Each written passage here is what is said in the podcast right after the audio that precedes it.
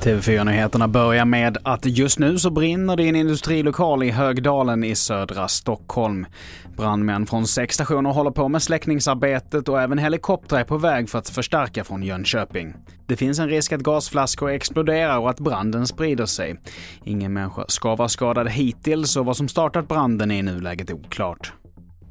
Och vi fortsätter med att en man i 50-årsåldern omkom under natten i en olycka med en fyrhjuling. Olyckan inträffade norr om Östersund efter att fyrhjulingen av okänd anledning körde av vägen. Olyckan utreds nu av polis och fyrhjulingen har tagits i beslag för teknisk undersökning. Vidare till att efter kritiken mot tidsbegränsade anställningar inom försvaret så vill nu fler partier se över lagstiftningen. Idag så får soldater, sjömän och gruppbefäl bara jobba i 12 år om de inte vidareutbildar sig till specialister eller officerare.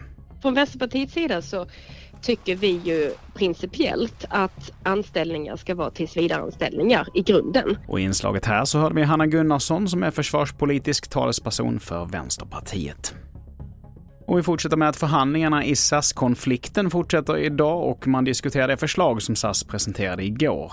Det som gör förhandlingen komplicerad är de många olika intressena och att det är flera länder som är inblandade. Det forteller meg at partene har et genuint ønske om å løse det her.